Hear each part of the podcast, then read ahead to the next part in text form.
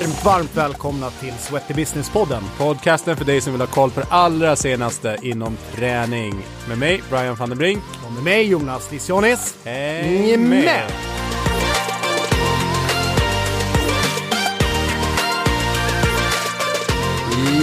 Yes, välkomna tillbaka efter ett långt eh, uppehåll till Sweaty Business-podden och välkommen Jonas Lissianis. Tack så jättemycket. Känns eh, fantastiskt kul att vara med, vara här, hänga på Clarion Sign där vi är idag. En, eh, en bra start på dagen. Mm.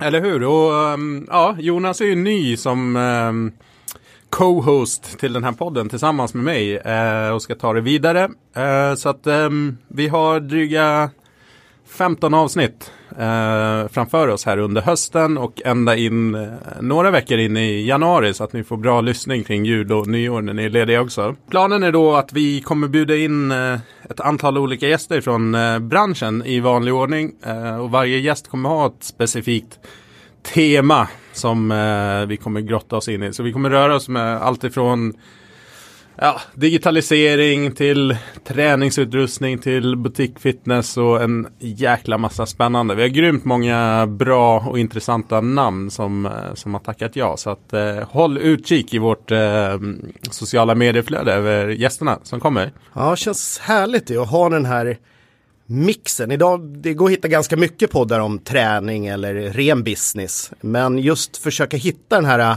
sweaty business-delen, mixen eh, mellan de här delarna, hur de går ihop. Eh, känns som en jäkla spännande del eh, och någonting som jag personligen i alla fall saknar eh, mm. att lyssna på. Jag hoppas ni lyssnar också kommer göra och uppskatta det. Ja men det är mycket engagemang och passion i, i träningsbranschen så att jag tror eh, också att den här affärsdelen att det faktiskt blir en hållbar business. Att det inte blir något jobb eller en, eh, en, en, bransch som man kommer in i några år för att man är trött på någonting annat och får jobba med sin passion som är träning. Och, och sen inser man att oh, det är jäkligt mycket jobb och det är kanske obekväma tider och det kanske inte är så mycket pengar och guld och gröna skogar till en början som man har tänkt sig. Så att det, det handlar väl rätt mycket om, om det. att hur kan man faktiskt skapa sig en, en business i den här branschen. Mm. och vi, mär vi märker det redan nu också, får ju enormt mycket frågor och önskemål på gäster och frågor som vi ska ta upp. Och en fråga som nästan alltid återkommer är ju det här, hur går man från jobb, hobby till yrke? Hur kan vi leva på det här? Har ni några tips och idéer och strukturer för att göra att jag kan jobba med min passion mm. på riktigt och inte bara en kväll eller två i veckan utan Precis lika väl som man går till en bank eller en, en eh, ICA-affär och står och jobbar i, en, en eh, i kassan. Så hur kan man jobba med det här på riktigt? Mm. Gå i pension.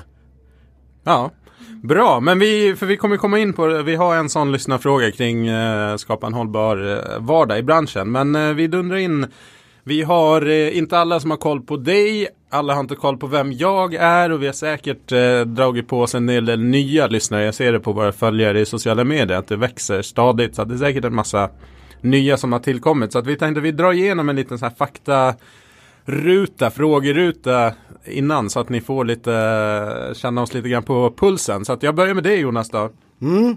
Vad, eh, vad gör du om dagarna? Vad jobbar du med? Ja, mina barn brukar fråga det mig också ibland. Så, vad, vad jobbar du med pappa? Och ibland är det svårt att säga vilken bransch är vi i? Är det träning eller fitness eller hälsa? Men, men eh, som för många andra eh, så är det ganska brett, brett spektra. Men eh Eh, för att fatta det kort så har jag en, eh, jag jobbar bland både som en liten del av min vardag så driver jag ett företag som heter My Performance som jag jobbar på konsultbasis genom.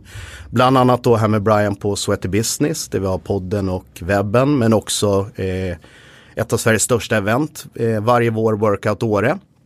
Eh, har lite andra konsultuppdrag också där jag hjälper gym med affärsutveckling. Eh, jobbar lite grann för Hockeyförbundet och Stockholms ishockeyförbund och lite skolor med föreläsningar och utbildningar och sånt då. Mm. Och lite fysträning. Så det var min sidodel, min, min hobby som är en del av yrket.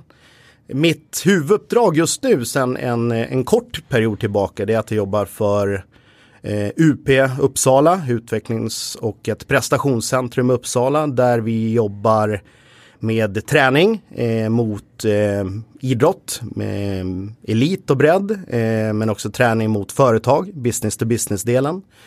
Vi har en behandlingsdel eh, som vi jobbar med och utvecklar, eh, där vi jobbar med processer från skadad eh, till hel och eh, komma igång med träningen. Vi har en test och eh, verksamhet med labb eh, och ja, i stort det då. Så min roll där är ju att vara med och eh, fungera som chefstränare men framförallt kanske affärsutvecklare och ta den här eh, prestations och utvecklingscentret i Uppsala att göra någonting riktigt, riktigt bra där. För att förhoppningsvis kunna bygga fler sådana här anläggningar runt om i Sverige med fokus på idrott och business to business. Så det är egentligen ingen konkurrent till Sats och Actic och Medley, de här kedjorna, utan det här är en, en, eh, en annan verksamhet egentligen med andra fokusområden som jag tror vi kommer komma in på lite grann också. Mm. Ja, nej men det är väl jag en korthet. Eh, du då Brian, vi har ju känt varandra ett tag, men berätta mer. Jag är fortfarande nyfiken på dina projekt och vad du gör och vad du brinner för. Ja, vad gör man inte? Det är som sagt det är, det är svårt att definiera vad man, man jobbar med och eh, förklara för folk eh, kanske. Men jag gör lite olika grejer. Jag, ehm, förutom att ha grundat och liksom driver Sweaty Business med sociala medier och hemsida och podcast och sen eh, träningseventet Workout Åre.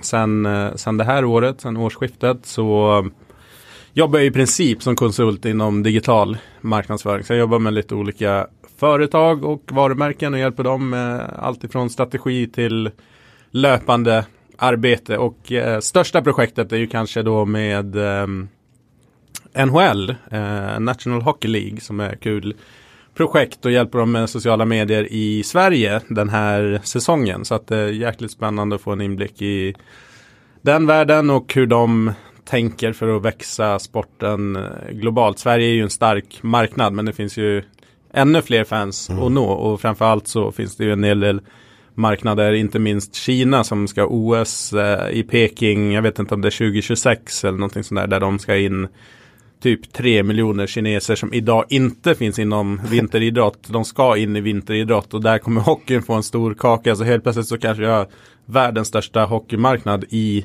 Kina helt enkelt. Så det är jäkligt spännande. Häftigt. Men eh, så att det är kortfattat så är det det jag håller på med. Men du, eh, träning själv då? Vad blir det? Det är eh, framförallt i och med att det är som för många, eh, flosken livspusslet kanske, eh, som kan vara klurigt att få ihop, så är det nu för tiden ganska mycket individuell träning eh, på gymmet då, vad det gäller träna genom hela kroppen, eh, men också en viss del konditionsdel. Så det är väl lite grann det att det tycker jag är kul, men också lite nödvändigt ont eh, mm. för att orka med vardagen. Men eh, sen har jag sen två, tre år tillbaks gått all in eh, på eh, paddel, eh, paddel helt enkelt. Det har vi sett. Ja, så det är någonting som eh, jag måste ändå säga ganska, gymmet kan man ju gå till ibland och tycka det är skönt framförallt när man går därifrån. Men det är så jäkla härligt att på jag höll på att säga ålderns höst, det är svårt att säga när man är 45 kanske. Men jag måste ändå säga att, att hitta en sport där man längtar att gå och träna även om det är 21 till 23 på kvällarna ute i Nacka. Eller 06 till 08 på morgon i Spånga. Att ha hittat det så här sent, hitta den här superinre motivationen måste jag säga är så jäkla härligt och väldigt överraskande. Mm. Eh, så att det är väl Gym, paddel, eh, annars är det ganska mycket på vintersäsongen också skidor. Och eh, både utförs men lite kanske ålderstecken också där att jag börjar gilla längd väldigt mycket. och jag vet inte om det är när man har massa barn och får en stund för sig själv. Vi blir ju mer uthålliga med åren så att det kanske eh, rimmar bra där också. Ja, så det är väl min träning. Eh, själv då? Ja. Jag stöter ju på det ibland på, på gymmet i Norra Djurgårdsstaden och på lite andra ställen. Exakt. Nej men det blir en mix. Eh, jag har ju varit lagidrottare, det har varit hockey och det har varit fotboll och innebandy och sådana grejer när man var yngre. Men har blivit mer en ensamvarg i tränandet eh, ju äldre man har blivit. Så att det blir gym, eh, styrketräning, mycket rörlighetsträning så man får sota för gamla hockeysynder när man aldrig eh, jobbade med de bitarna och sen ja, man blir lite äldre så, så kom krämporna. Eh, så att, eh, och så blir det en hel del löpning, kanske två, tre gånger i veckan. Eh, så att det är väl det. Det har varit en del korpfotboll tidigare men alla är ju i mitt gäng är ju småbarnsföräldrar så att det här med att sticka iväg halv sex, halv sju på morgonen alltså det finns inte just nu. Vi kanske gör comeback om några år. Vi är för gamla för korpen. Ja, härligt. Eh, men uh, fritiden då, har du någon? Du har, ska ha Jonas, alltså aktiv själv som bara den som ni hör. Vi har Anna Lisjanis, hon är ju influencer inom träning och aktiv som bara den. Och sen är det ju fyra väldigt sportiga och aktiva barn. Blir det någon fritid eller är fritiden, vad är fritid för dig? Ja, det är, det är, det är väldigt lite tomma luckor kan jag säga. Eh, och man märker nästan det nu, ibland de få gångerna man har en tom lördag, då blir man nästan stressad av det istället. Vad fasiken, nu måste jag hitta på något istället för att ta det väldigt, väldigt lugnt så.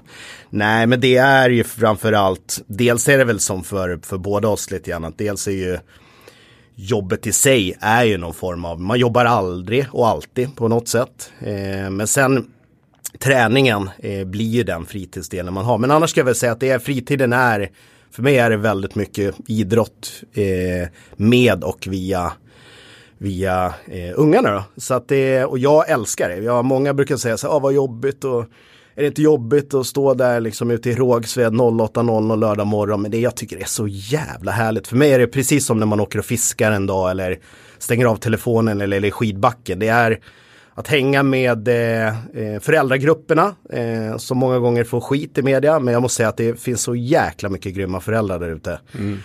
Eh, och hänga med dem den här timmen eh, när ungarna har samling och uppvärmning. Eh, för att sen liksom nervöst eh, kolla på matchen. Är återhämtning av Guds nåd, det skulle jag vilja säga. Så att det mm. för mig är ingen det är klart det skulle vara skönt att sova ut ibland en helg och så. Men när man väl är uppe så jag måste säga att det är en, en jag tror mer det kommer bli någon form, prata med mycket föräldrar och det som har äldre barn som har lagt av med idrott jag, jag är nästan mer orolig för det vakuumet som kommer komma mm. ifall barnen inte skulle göra något eller när de lägger av och gör något annat eller flyttar. Vad liksom, mm. Alltså helt plötsligt en tom helg, vad ska jag göra nu? Så att det, nej men det är, det, det är min fritid så, det, mm. det måste jag säga. Men gillar det som tusan. Du då? Ja men det är mm, nu har jag yngre barn, en dotter och en på gång här om en dryg månad. Så att eh, hon är fem år gammal så att det är inte så mycket aktiviteter på det sättet. Det är lite gymnastik och Nej men det blir lite på, eh, det blir ju mest barn och familj liksom. Det, eh, det kan vara simhall, det kan vara bounce, det är mycket eh, Hon gillar aktiviteter så, alltså aktivera sig. Så att jag försöker ju bara blåsa på det, liksom få till de här vanorna tidigt. Liksom att det blir en del, det är så lätt att hamna vid paddan eller liksom passiv. Så jag tror att det är otroligt viktigt att vara med och influera så länge man kan. För sen kommer ju andra vara större influenser, kompisar och idoler eller kändisar på Instagram som kommer påverka mer kanske än vad mm. föräldrarna kommer göra vid en viss tidpunkt. Så att, eh, ja, men gör så mycket man kan för att för liksom stimulera och sen göra de grejer som hon tycker är kul för att då kommer det bli, bli av.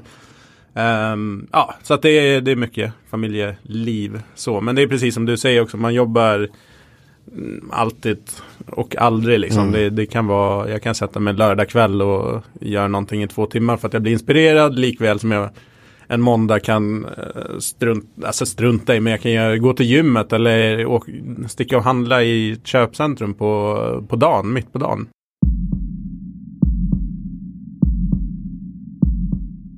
Fråga här då, vad ser du fram emot? Ja, ska man eh... Ah, det är, det är, nästan alltid kopplat till någonting kring sport. Eh, eller träning eller utmaning. Så jag kan väl säga på kort sikt. Eh, spontant, det som kommer upp direkt, det är ju mer att nu mina, mina grabbar i U14 som blir U15 kommer gå upp på 21 manna. Det är något jag ser fram emot. Eh, och eh, massa roliga kupper. Eh, annars för egen del så är det nog att eh, sakta men säkert skidsäsongen drar igång och eh, laddningen för Vasaloppet igen. Jag har ju kört Nattvasan här två i rad och tror jag nog ska köra en tredje Nattvasa här faktiskt. Så att jag kanske låter konstigt att man ser fram emot det men det är ändå mm. något härligt. Jag står och hamrar på den här skijägen på gymmet. Kilometer för kilometer och eh, efter första gången klassiskt tror jag manligt sådär via ett bett var tvungen att köra Vasaloppet och knappt hade tränat och plågades igenom på nio timmar drygt. Så trodde jag nog aldrig skulle säga att jag såg fram emot eh, ett lopp av den karaktären. Men efter att ha gjort Nattvasan eh, två gånger nu så måste jag säga och har tränat bra innan. Eh, så måste jag ändå säga att träningsmässigt lite mer långsiktigt fram här i, i mars så är det väl det jag ser fram emot. Mm. Eh, så att eh, det är väl det. Eh, så jag tänker sport. Själv då? Är det träning eller är det något helt annat? Nej men eh, ja, vi ska ju andra barnet här i, om en månad lite drygt. Så att eh, jag ser fram emot det. Men det är också lite skräckblandad förtjusning. För att man vet aldrig vad det är för profil som, som dyker upp. Kommer det vara lugnt? Kommer det vara ja. livat? Kommer det vara skrik och gap? Hur kommer eh, stora systern reagera? Kommer det liksom bli något bakslag där? Så att det ser jag fram emot på, på både gott och ont. Ja. Att, att eh, den där första tiden eh, som många säger är så himla härlig och njut. Det kunde jag inte göra på första rundan för fem öre. Jag tyckte bara det var stress och man låg ett steg efter. Mm. Det, det hände så mycket hela tiden. Så att Mm, så att eh, jag tror man kan gå in i det med lite större lugn eh, kring, kring hela den där grejen. Annars ser jag fram emot mycket grejer som händer med Sweater Business här med podden, med events och samarbeten som är på ingång. Det känns som att vi är på, på frammarsch och det finns massor av grejer att uh, göra. Man ska bara få tid att göra alla sakerna som man, som man vill. Så det ser jag fram emot. Ja, härligt.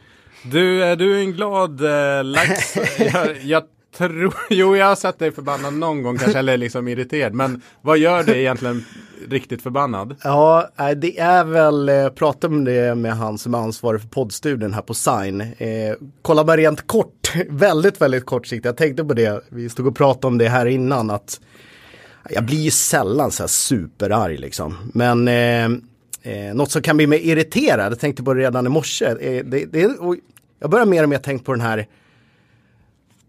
den kommunikativa del, svagheten som jag tycker man stöter på mer och mer i vår vardag. Eh, man hälsar på folk när man lämnar på, på skolan i morse. Vissa hälsar inte tillbaks. Nej. Man öppnar dörren. Eh, liksom, ingen håller upp den tillbaks. Alltså, så här, jag, jag, kan bli, jag, blir, jag känner att jag blir mer och mer irriterad över så här små saker som jag vet inte om man är känd som en, en gammal liksom, människa nu som jag tyckte var bättre förr. Men jag brukar ta, jag tycker sånt som mina exempel, mina tvillingar är åtta år. Eh, jag gillar ändå liksom chitchatta, man hälsar på föräldrar och folk som man inte känner heller i skolan där. Och mina ungar, det var bara någon vecka sedan de frågade, så här, Jonas, pappa, känner du alla här? Nej, jag känner ingen, men det är som för mig är det ganska normalt beteende. Så att det är väl inget så här jag går runt och liksom är superförbannad över, men jag känner att jag mer och mer så här, de små sakerna eh, som jag blir irriterad över. Folk som inte hör av sig. Eh, eh, man mejlar och hör av sig, men att man får inte ett svar. Och jag köper att man inte har ett svar, men tala om det då. Mm. Eh, kan också bli irriterad över folk som, eh, som hör av sig bara när man vill ha någonting mm. Eh, och ha hjälp själv.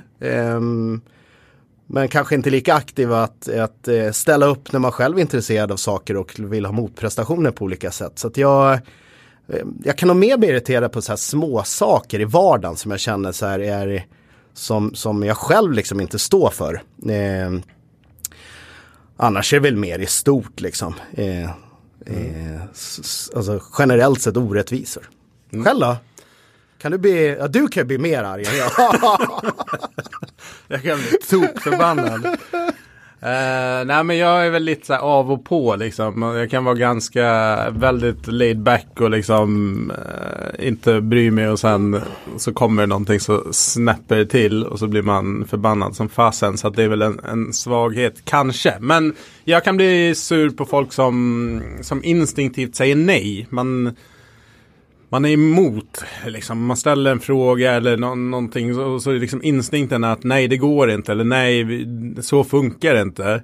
Eh, jag läste en fantastisk intervju i Sportbladet i lördags med eh, fotbollsagenten Hassan Settinkaya. Eh, det var Erik Niva som gjorde den och, och, han har ju som gjort, han har ju alla de största stjärnorna i fotbollslandslaget just nu och gjort eh, några av de största övergångarna nu, bland annat Frenkie de Jong till Barcelona. Och var affärer för fyra miljarder liksom. Ja men ja. exakt, så att det är ju helt andra summor än, än de vanliga agenterna runt om i världen gör. Men han eh, hade ett sånt klockrent citat, han bara, men regler till för, för att ändras om det behövs. För att ja. ja. det finns en regel, men ibland så kanske regeln är idiotisk. Mm. Så att varför inte utmana istället för att ställa sig i led. Ah, ja, men någon har sagt att det är så här, men om det är idiotiskt så är det väl eh, någonting som man kan utmana och göra någonting åt. Så att, eh, det kan jag bli förbannad. Eh, var lite mer progressiv och, och framåt. Sen kanske jag är lite mer rebell så och sätter mig upp mot, eh, mot auktoriteter. Men eh, skitsamma, det, det, det är så jag är. Men du, jobbar i träningsbranschen, eh, ständig liksom förnyelse. Var hittar du inspiration? Någonstans? Äh, jag, jag, jag eh, det är väl lite olika sådär element man tar ifrån. Men jag skulle säga i, i vår bransch, jag tycker det är väldigt intressant att kika framförallt. Det är klart jag har koll på vad vi gör i branschen, nationellt men framförallt internationellt. Så det tar jag reda på via de här stora mässorna som Ursa, Idea, Fibo, besök på träningsanläggningar internationellt så.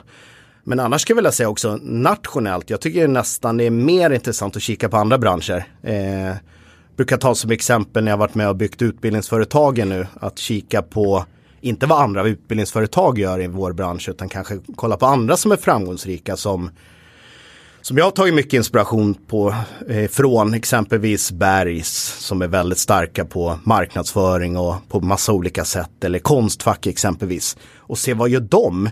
Varför har de kö ut på gatan? Svårt att komma in. Det är dyrt att gå där alla vill gå där men när du väl har gått, de bästa lärarna jobbar där men när du väl har gått där så kommer du ut och få ett jobb som är riktigt bra och kanske 10 000 mer i månaden också. Så att eh, inspiration via internationella scenen men också försöka hitta kopplingar till andra branscher helt enkelt. Det tycker jag generellt sett att vi bör vara mycket, mycket bättre på. Eh, så de delarna. Sen gillar jag att läsa ganska mycket träningslitteratur och eh, lyssnar också enormt mycket på poddar själv. Det är lite som en drog nästan. Mm. Själv då, vad hittar du din inspiration till? Ja men det är olika ställen. Jag, jag tycker den är viktig, den som du tar med dig också in att man um, Alltså man pratar om eh, på engelska lateral thinkers, alltså som, som tänker lateralt över, alltså man tänker inte silo, det här är träningsbranschen, så här gör vi, så har vi alltid löst det. För att då kommer du inte riktigt, alltså det kommer vara okej, okay, men du kommer inte göra några stora genombrott. Men om du däremot kan plocka bra inspirationssaker ifrån andra företag och andra branscher som gör bra grejer. För att affärer och bygga företag är universellt. Mm. Det enda som skiljer är vad det är du säljer och vilken bransch du rör dig inom. Men, men annars är det väldigt mycket som är samma och i slutändan ska du förmodligen sälja till någon person. Mm. Och en människa är inte olika bara för att den rör sig i en viss bransch. Så att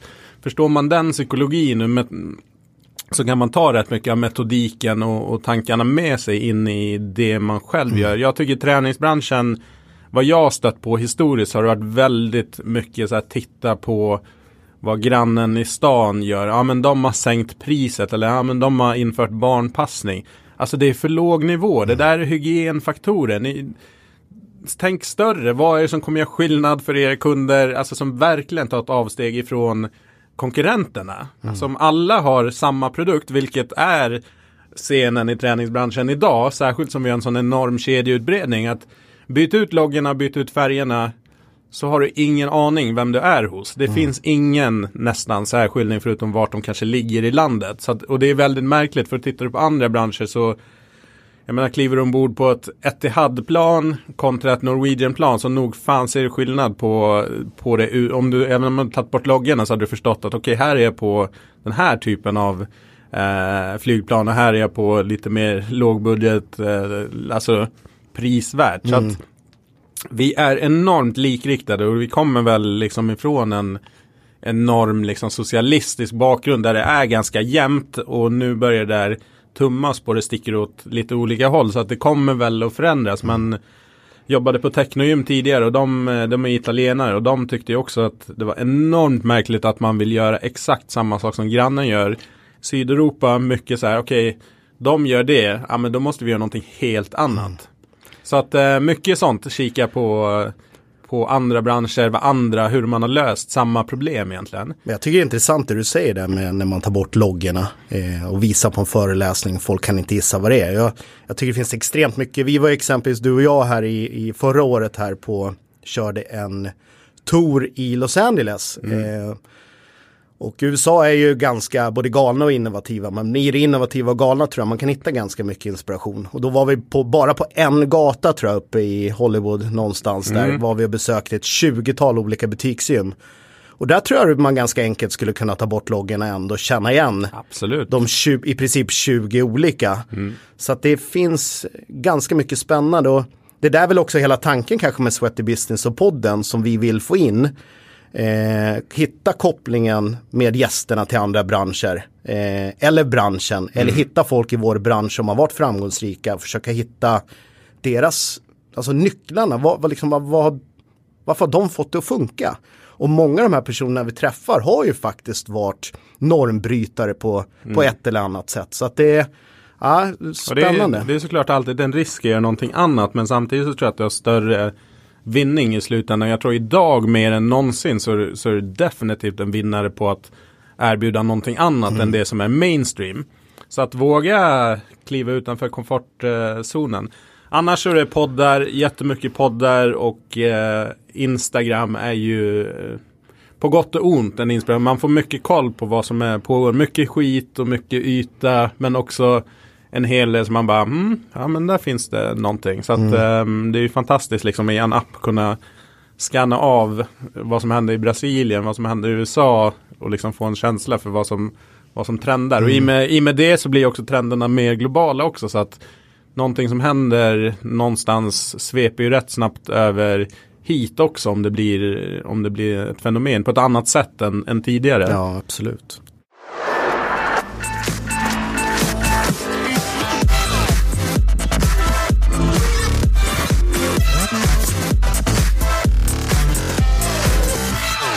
Hörni, välkomna till en ny sektion i podcasten. Eh, Casall Business Hacks. Det här är en sektion som vi eh, lägger till för att dela lite extra kunskap för dig som vill starta gym eller som är igång med en business och vill göra ännu bättre affärer. Och eh, till vår hjälp så har vi eh, försäljningschefen på Casall Matrix, Stuart Lasells. Välkommen! Tack så mycket, kul att vara här. Hur är läget? Det är fint tack, absolut. Mycket att göra, men det är roligt. Du är försäljningschef på Casall Matrix. Eh, vad har du för bakgrund i, i träningsbranschen? Ja, men lite kort. Jag har eh, flyttade hit till Sverige tio år sedan eh, från England. Så att, eh, senaste 20 år har jag jobbat inom träningsbranschen. Eh, allt från PT upp till eh, klubbchef och distriktchef. Så att, eh, nu senaste halvåret har jag kommit över till leverantörssidan och jobbar med Casall och, och med Matrix nu. Så det känns jätteroligt. Spännande. Du har, du har gått hela vägen som ja. Eh, ja, men vissa i branschen har. Från hela vägen från golvet upp till, eh, till management på ett eller annat mm. sätt. Ja, jajamän. Jätteroligt. Eh, ni har massa fantastiska produkter. Men en annan sak som jag också har märkt av när vi har diskuterat. Ni har fantastiskt mycket kompetens. Så ja. då tog vi fram den här eh, sektionen i, i podcasten. Och idag så rör sig ämnet kring egentligen för er som är nybörjare funderar på att starta ett gym. Eh, det finns ju massa möjligheter idag och det finns också fallgropar. Så vi tänkte dyka in i tre tips eh, för den som ska starta ett gym. Ja. Vad, eh, vad tycker du är nummer ett som man ska fundera kring? Ja, det är en bra fråga såklart och väldigt viktig. Jag tycker personligt att nu för tiden så borde man tänka på koncept. Jag tror den frågan är väldigt viktig. Vad är, min, eh, vad är mitt koncept för det här målgruppen, målbild för, för anläggningen? Um, det känns jätteviktigt att man eh, klargör den frågan. Um, jag tror det är svårt att konkurrera i dagsläget med ett gym för alla och mer att försöka vara väldigt tydlig med målsättningen och, och konceptet som ni vill ta fram på anläggningen. Mm. Så tänk igenom målgruppen och eh, skapa konceptet utifrån eh, målgruppen som ni har tänkt er. Mm, precis. Eh, vidare då? Nästa? Ja, och sen läge. Eh, det är ingen konstighet det heller. Det är en, en väldigt enkel kanske fundering. Men jag tror läget i dagsläget är väldigt viktigt. Att man kollar på var man befinner sig, var man vill sätta upp anläggningen och eh, såklart går, ta hjälp av proffsen där. Um, hitta ett bra, ett bra läge för verksamheten. Um, det behövs inte vara centralt varje gång. Man kan också hitta jättefina lokaler i bra området om man uh, tar den tiden och kollar runt. Mm. Um, så läge är väldigt viktigt. Och den sista tipset? Ja, jag tänker lite högt här om merförsäljning. Jag tror att ibland så är man väldigt fokuserad på såklart huvudbusinessen och det är träningsmedlemmar och medlemskap. Men det finns betydligt mer man kan skapa via att göra affärsplanen från grunden med mer försäljning. Att hitta delsvis mer personlig träning men övriga saker. Det finns uh, Ehm, väldigt mycket genom kläder och reception och workshops, utbildningar man kan också koppla in i verksamheten. Så glöm inte den biten för det, ehm, det är jätteviktigt att få in de här extra försäljningen via olika kanaler. Så att, eh, ta hjälp av leverantörer eller den eh, övriga, inom, eh, övriga personal verkligen ge, gå igenom de bitarna för att skapa lite extra försäljning till anläggningen. Mm, bra tips där. Mm. Merförsäljning alltså. Har du någon, eh, hur mycket kan en sån här eh, merförsäljning bidra med till eh, liksom ett hyfsat bra case eh, på omsättningen? Ja, men jag skulle väl lätt säga att den beräknar ungefär 20% av omsättningen skulle kunna komma från extra merförsäljning ut, bort, bortrest från, uh, från medlemskap. Um, som mm. sagt, det, det, ibland så är man så pass, såklart, medlemskapet är väldigt viktigt men om man har övriga delar också som bidrag så kan man uh, öka resultatet betydligt mer och uh, hitta bra vinst helt enkelt. Um, som kan bidra till övriga saker ni vill investera i. Så att, uh, um, nej, det känns som sagt, det finns många lösningar där och möjligheter. Så det är bra att undersöka med, med leverantörerna och som sagt affärspartner som vi har skapat när ni startar upp anläggningen. Härligt. Du, eh, det är lätt att man är jäkligt entusiastisk. Man kanske har fått loss pengar, man har hittat lokaler och man, man vill köra. Men finns det någon sån här ja, tips på, eller exempel på fallgropar som är, som är vanligt att hamna i som man, man bör eh, undvika? Ja, ja men absolut. Det, det är också en bra fråga. Där, där skulle man vilja... Ett par saker jag tänker spontant. Det är att glöm inte de befintliga kunder. Jag tror ibland så när man är igång och öppnas upp anläggningen så är man efter nyförsäljning hela tiden. Um, de befintliga kunder är väldigt viktigt såklart för framtiden. Ta hand om dem, hålla kontakten med dem. Um, och det, då har du betydligt mer chansen att uh, dra in fler medlemmar. Um, så ta hand om de befintliga. Um, och sätter rätt budget från början. Um, jag tror vissa har inte riktigt räknat ut allting innan de startar igång. Um, men också där ta hjälp av era affärspartners så att ni verkligen går igenom budget rätt från början. Um, alla kostnader och intäkter och verkligen sätter upp affärsplanen hela vägen. så att, uh, ibland kan man bli lite mer, uh, det, det, man är så taggad att man ska öppna och allting är på gång men det kommer upp ibland oförväntade kostnader mm. och det, det, är inte roligt att uh, hamna i ja. den fallen.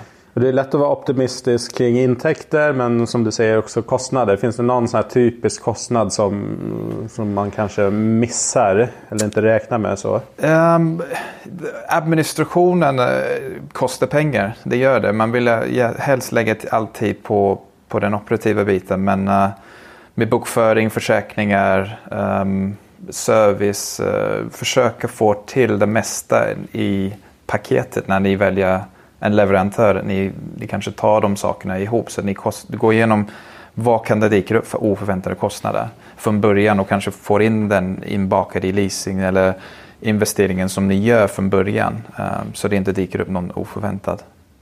Bra. Det var dagens eh, business hacks. Du, man vill komma i kontakt med er och kika närmare. Vart eh, gör man det lättast? Gå in på vår hemsida, um, Casal Professional. Då kan ni hitta våra kontaktuppgifter och gärna komma och kontakta oss. Um, vi har folk runt omkring hela Sverige och finns tillgängligt för det. Så att, um, gärna höra av er. Toppen. Tack. Tack.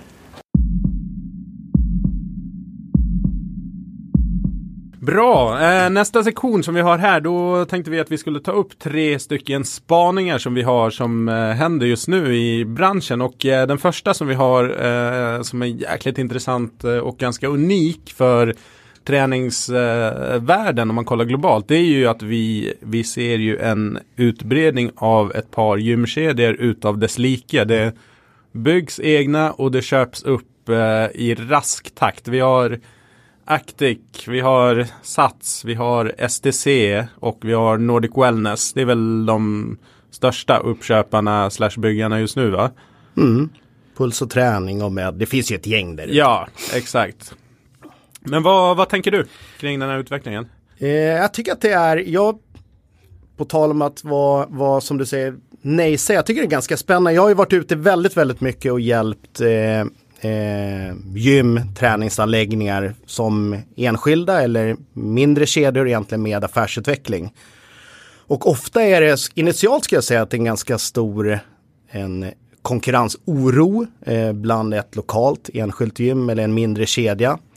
Eh, men jag tycker man kan faktiskt, min, min approach till det är faktiskt att man kan försöka vända på det där. Eh, jag tycker snarare i så fall att man kan se, i och med att det blir, kedjorna breder ut sig blir större och större. Eh, och det förstår jag ju dem och deras utveckling också. Mm. Men jag kan ju se då som en, om man är en enskild aktör i en stad eller har en eller ett, liksom ett par gym bara, så skulle jag snarare vilja vända på det så här att se, jäklar om en kedja breder ut så här, då har jag ju världens möjlighet att sticka ut som enskild aktör. Mm. För jag har jobbat för eh, eh, förut som Sats exempelvis och hjälpt andra kedjor på olika sätt. Och utmaningen man har när man har plus 20, 30, 40 plus 100 gym är ju volymen. Det är väldigt svårt att vara snabb i vändningarna. Hittar man en trendprodukt eh, internationellt eller nationellt så är det liksom ett halvår, ett år till man har implementerat över hela kedjan. Eller man vill förstärka, förändra en kommunikativ del. Jag vet bara på Sats vilken jävla process det var bara få alla som var och jobbade i receptionen att säga hej och hej då på ett vettigt sätt så att säga. Mm. Medan om man driver ett gym, hittar en produkt på Mars i Örsa så kan man i princip veckan efter implementera det på sin träningsanläggning och utbilda det.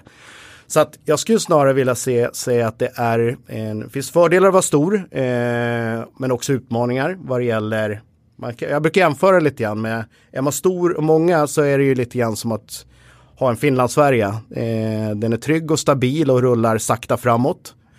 Men den är lite svår att vända snabbt. Medan man som enskild aktör är lite mer som en ribbåt. Man kan gasa på jäkligt snabbt eh, och svänga fort. Men det har ju sina utmaningar också. Man kanske inte kan åka lika långt och så vidare. Mm. Eh, så jag skulle nog säga att det är en, eh, en som enskild aktör, jag tycker inte man ska bli orolig. Eh, jag tycker snarare man ska se liksom, hur kan vi liksom jobba med det här istället. Eh, och se att vi kan vara mycket snabbare i vändningarna. Vi har ju framförallt en betydligt lättare del att vara personlig. Och vi vet ju att en nyckel till retention, alltså behålla medlemmarna på anläggningen, är att se, uppmärksamma, bekräfta medlemmen. Och det är, har man en bemannad anläggning framförallt, eh, en anläggning, så är det mycket, mycket lättare att få en rutin, ett system, en utbildning, en inlärningsprocess i de kommunikativa delarna. Så att det, jag skulle vilja se att det är liksom för och nackdelar med både och. Eh, och jag tycker inte man ska liksom vara orolig heller som enskild aktör. Däremot så tror jag det är livsfarligt som, som om man har en, sitter på en anläggning att göra precis det du var inne på. Mm. Att göra exakt som alla andra gör. Jag tror att man verkligen måste liksom eh, kika på liksom vad, vad, vad har vi potential att göra. Mm. Eh. Ja, men alltså kopiera kedjornas upplägg och liksom hur de ser ut och beter sig när du är ensam då, då kommer det förmodligen att ryka och då kommer du säkert få konkurrera förmodligen på pris. Eh, vilket kommer bli svårt att göra med en stor drake som ja. har stordriftsfördelar och så vidare. Men jag skulle också vilja, så här, kedjornas utbredning, jag hoppas också att det leder till um, faktiskt att man kan dels pusha upp priserna också för jag tycker priserna generellt sett ligger för lågt. Eh, och det, det baserar också på att fan lönerna är ju svinlåga i den här branschen. Så att det blir ju liksom ingen, vi kommer ju komma in på hållbarhet och arbetsliv och sånt där sen. att eh, det finns inte tillräckliga marginaler i slutändan för att betala folk vettigt. Och helt ärligt, jobba på ICA eller någon liksom, butik eller liknande med de OB-tilläggen som du har på kvällar och helger som du inte är i närheten av i träningsbranschen. Då blir det så här passion kontra pengar. Någonstans i slutändan så kommer pengarna tippa över för att du måste ha ett levebröd på, på riktigt. Så jag hoppas att kedjorna och att den utbildningen kanske bidrar till att det kanske blir en mer professionell bransch eh, och att man inser att okej, okay, vi, personalen är en enormt viktig resurs för att få det här att funka. Eh, så att vi behöver investera mer i det. Och kanske kan investera i system och digitalisering och, och sånt där.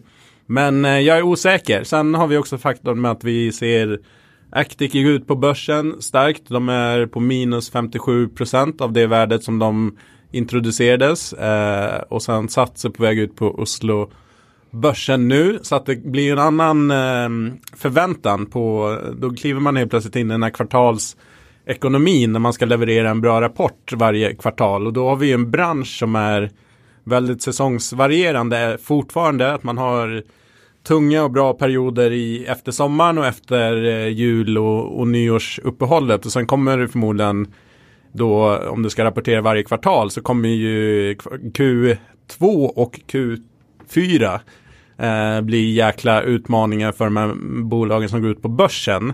Eh, vilket också påverkar börskurs och så. så att, mm, det blir ju en annan förväntan på utveckling och liksom lönsamhet och hela den här grejen. Så att Kommer det verkligen driva på att man investerar tillbaks in i verksamheten eller kommer man försöka spara in eh, på baksidan, liksom på kostnader, personal, eh, den typen av saker.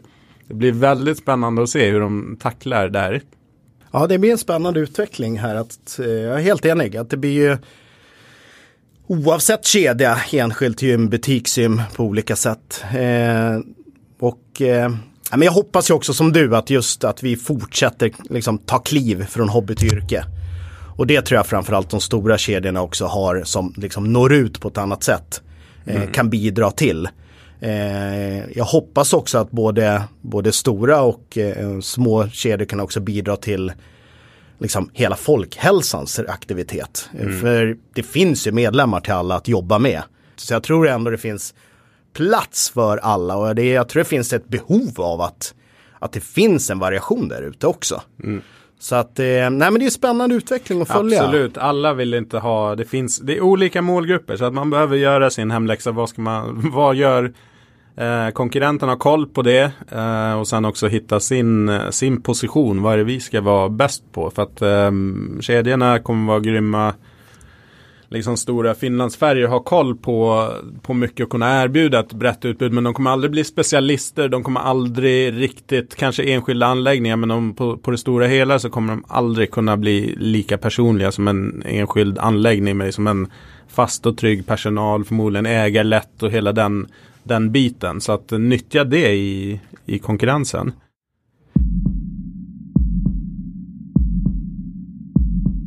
Du, eh, nästa som vi har är eh, business to business och då kanske framförallt corporate wellness, alltså företagshälsa mm.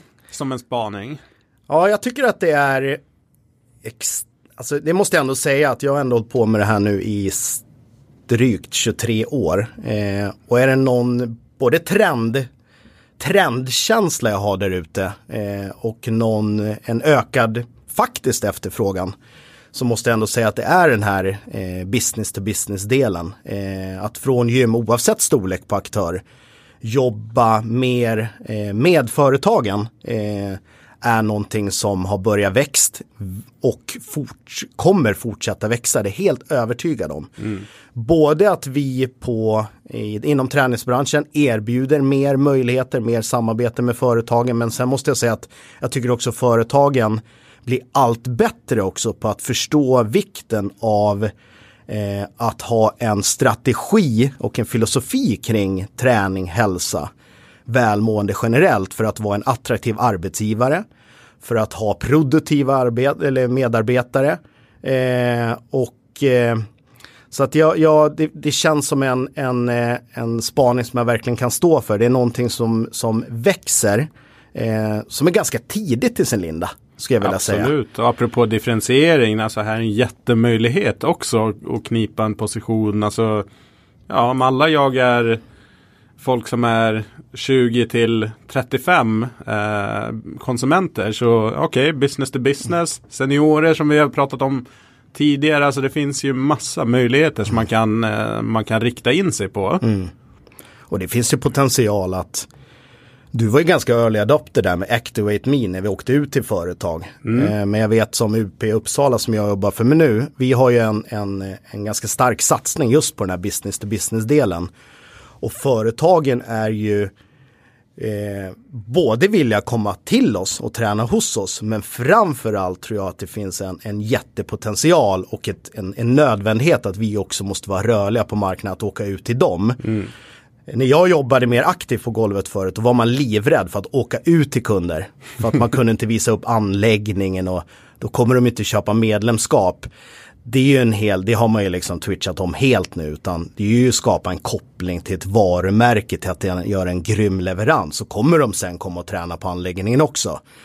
Men just den delen att åka ut och åka ut och köra hälsotester, screeningar, fystester av olika slag men sen koppla till det sälja add-on-tjänster som är, kan vara alltifrån behandling, eh, rehab, prehab på olika sätt till träning hos dem, för dem. Kompletterat med kanske digitala tjänster, online support med sen uppföljning. Mm. Kanske koppla på kostdelen eller lära dem handla mat eller hyra in sitt kök och lära dem laga mat på olika sätt. Jag tror liksom det, det är vi bara i vår början här. Jag tycker att det finns en enorm potential för vår gymsektor här oavsett kedja enskilt gym. Eh, att ta rygg på den här trenden skulle jag vilja säga i alla fall. Mm.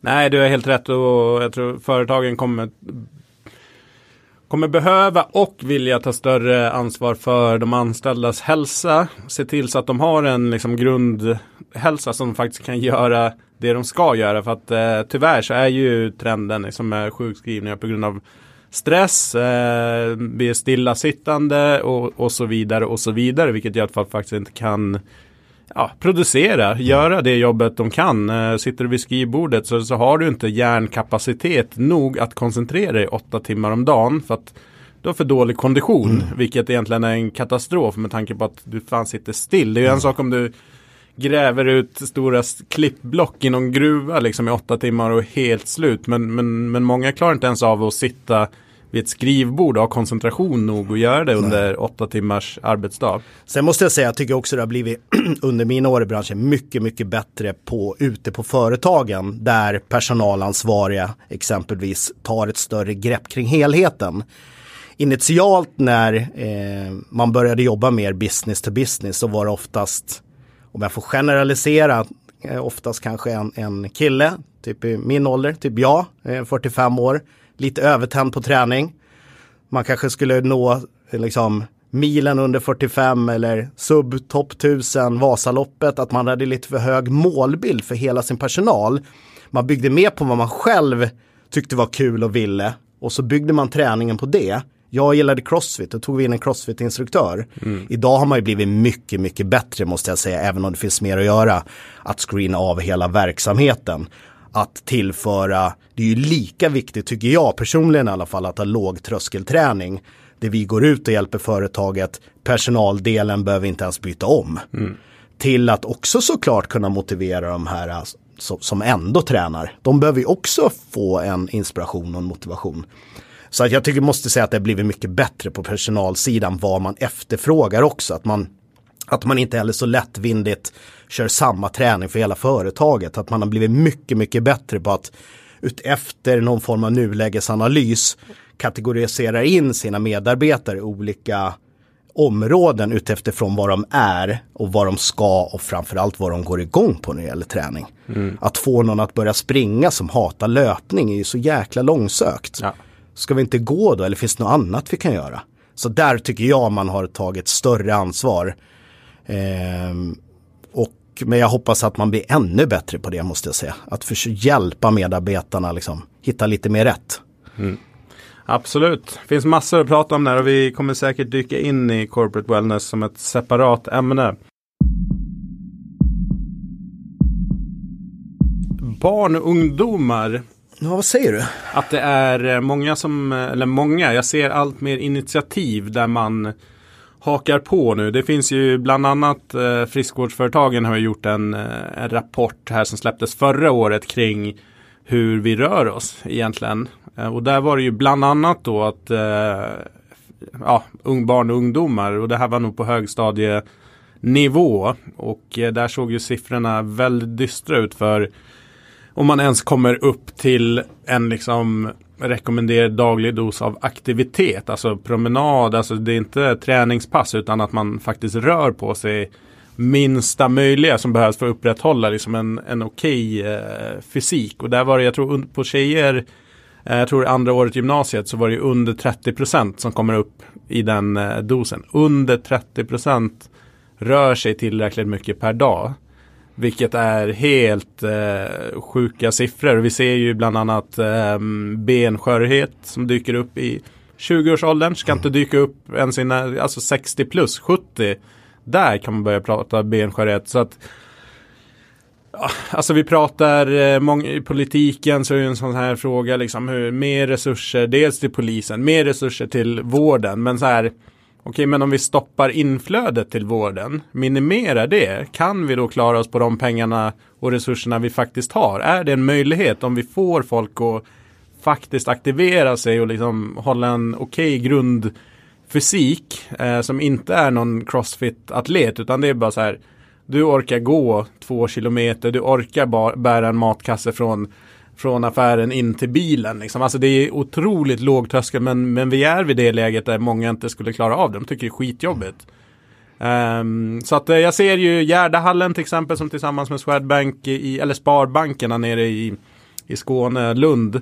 Där som har gått ihop ett initiativ där eh, Swedbank, Sparbankerna sponsrar egentligen eh, gratis träning för gymnasieungdomar tror jag. Eh, varje morgon mellan vissa tider som tillgång till allt som Gärdahallen har att erbjuda. Vi har maratongruppen som anordnar Stockholm Marathon bland annat eh, och en massa andra eh, lopp, Tjejmilen och liknande som eh, nu under nästa år då, nästa löpsäsong så är det gratis för alla under 20 att delta. Max 5000 pers per lopp men, men det borde väl vara rätt okej. Okay. Så att vad beror det här på? Dels är det de här trenderna som vi ser att aktiviteten går ner. Men jag tror också såklart är ju ett sätt att rekrytera nästa generations mm. kunder. Men ja, om, om det liksom är slutmålet men ändå ett gott syfte och får fler att aktivera sig så jag är helt för, för att man gör den typen mm. av grejer. Vad tänker du kring den här? Nej men ja, du är inne på, jag tycker du sammanfattar det bra men jag, jag tillbaks till din fråga ganska tidigt, vad gör dig förbannad? Det här är liksom en av grejerna som jag på riktigt kan bli förbannad. Hur, jag tycker man har snackat så jävla länge om det här nu. Hur, i, i min värld är det så här, man, man pratar om det här med en aktivitet 30 minuter om dagen eller 150 minuter per vecka och vi ska göra det i skolan. Och jag börjar, jag börjar fundera så här, hur mycket mer vetenskapliga rapporter, hur mycket mer ska vi prata om det här? När ska vi börja göra sakerna? Mm. Eh, jag tycker det är dags att börja göra. Eh, och tyvärr så är det så att vi har ju som föräldrar olika förutsättningar, olika ingångsvärden till träning, olika ekonomiska möjligheter också. Vi, jag tycker att skolan bör ta ett större ansvar när det gäller den här fysiska aktiviteten. Eh, och det ligger inte på enskild lärare såklart, Nej. utan det är ju en struktur där det måste prioriteras. Det måste ju byggas miljöer i, i skolan eller utanför skolans områden där man kan göra de här sakerna. Så det är dags att börja, börja göra, inte bara snacka. Och sen tycker jag att man mycket, mycket mer ämnen kan, kan faktiskt börja röra på sig. Mm. Jag blir ju vansinnig höll jag på att säga, starkt ord. Men ibland kommer en, någon av mina barn hem och haft jumpa. Och eh, de packar upp sina grejer, eller tyvärr, jag kallar upp dem och eh, packar upp deras grejer och handduken är inte blöt. Och, och frågar sig, men ni har haft jumpa då, varför är handduken inte blöt? Nej men vi har haft orientering. Jag bara, men då blir man väl jättesvettig. Vi hade teori. Och jag tänkte så här, men orientering, teori, kan man inte ha teorin ute och samtidigt orientera? Mm. Så att det, jag, jag, tycker att det är dags att, att börja göra. Sen kollar man rent ur ett branschperspektiv så finns det också olika sätt att jobba rent affärsmässigt med det här skulle jag vilja säga. Eh, för det är tyvärr i en, eh, lite olika olika städer, en jättebrist på, på um, lokaler eh, för våra barn och ungdomar att verka i och lagen att vara. Och eh, vi har ju faktiskt i gymbranschen tider på gymmet, helger 15-16 innan ruschen kommer, där våra salar står princip tomma. Jag tror det finns en jättepotential att börja nyttja de tiderna, både göra en jäkla samhällstjänst måste jag säga, men också få en lönsamhet.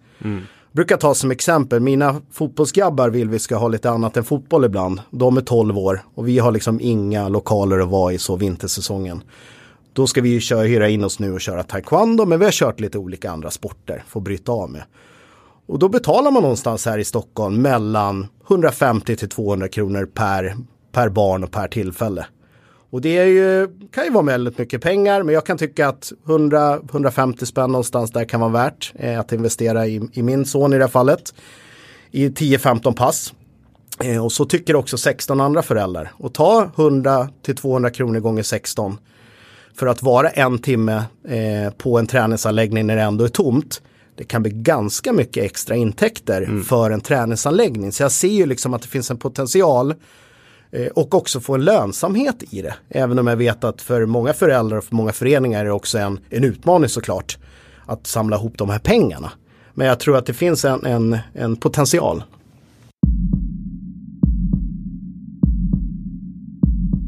Alright hörni, fasen tiden flyger på jäkligt snabbt eh, och vi börjar närma oss eh, en timma här med lite annat material som ska in också i podden.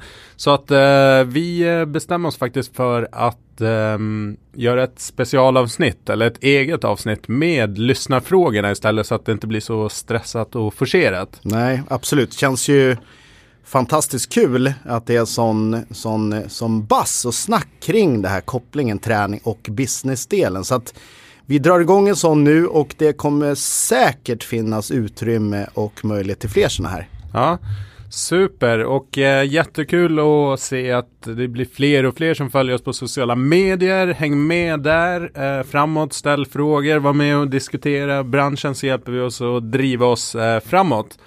Eh, vi avslutar ju alla gästavsnitt eh, numera den här säsongen med att de får eh, avsluta med en låt som eh, personifierar dem och eh, ja, Jonas, du får helt enkelt välja vilken låt vi kliver ut till. Ja, jag skrattar lite här. Vi pratar lite grann om det här lätt innan utan att röja oss för varandra. Men vi har haft några gäster vi har träffat här. och varit så enormt genomtänkta låtar. Och eh, vi är väl lite mer lätta, lätt, lätta här och ytliga möjligen. Men jag måste säga att en, jag kör mycket bil. Eh, eh, kanske inte helt miljövänligt, men i mitt jobb eh, och älskar det. Eh, och älskar att lyssna på poddar eh, och gillar också musik. Eh, så det handlar mycket om en, en, min absolut bästa bilkörarlåt. Och det är en låt som heter Country Roads. Som min fru. Anna, om du hör det här, jag vet att du hatar den här låten. Eh, mina fyra ungar gillar den inte heller, eh, men jag tycker att den är magisk. Jag gillar country, jag vet inte om det är att jag är 45 och närmar mig ålderns höst. Men country roads, absolut, för att den är så jäkla skön att åka bil till. ja. Själv då? Nej men det Nu ställde du mig på potta. Jag ska bara kommentera Country Roads här. Det är väl en sån där låt som man som man rycks med i utan att man egentligen kanske vill det. Så sitter man och nynnar med. Släng på den på valfri nattklubb liksom vid ett tiden på natten. Så nog fan står folk och skrålar med. Country Roads. Det är, Take de- me ja, home. det är den och sen har man, jag tänkte också på den här som andra på listan här, det med Can't Stop Believing med Journey va? Ja. Också Don't en sån där, ja, Don't Stop Believing. Det är lite samma känsla. Ja. Du vill hålla käft men det går inte. Eh, så det är min i alla fall. Det är din. Eh, alltså det, vilken låt man är, det beror på vilket humör man är på. Men eh, jag får väl ta någon sån här guilty pleasure-låt också. Man vill, om jag vill få riktigt jävla bra drag i, i kroppen, i känslan om jag ska träna eller någonting så blir det nog fan Rammstein, Du hast. det är jag för gammal för. Hörni, stort tack för att ni lyssnar idag. Häng med här, vi har en härlig, härlig säsong framför oss. Absolut, häng med! Blue Ridge Mountains, Shenandoah River. Life is old there. Older than the trees, younger than the mountains, growing like a breeze. Country roads, take me home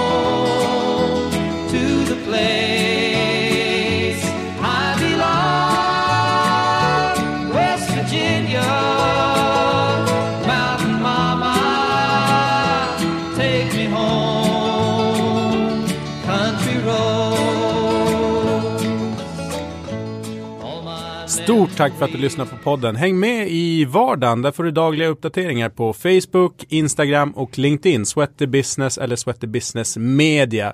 Har du frågor, tips och råd till oss så mejla jättegärna på podden at sweatybusiness.se.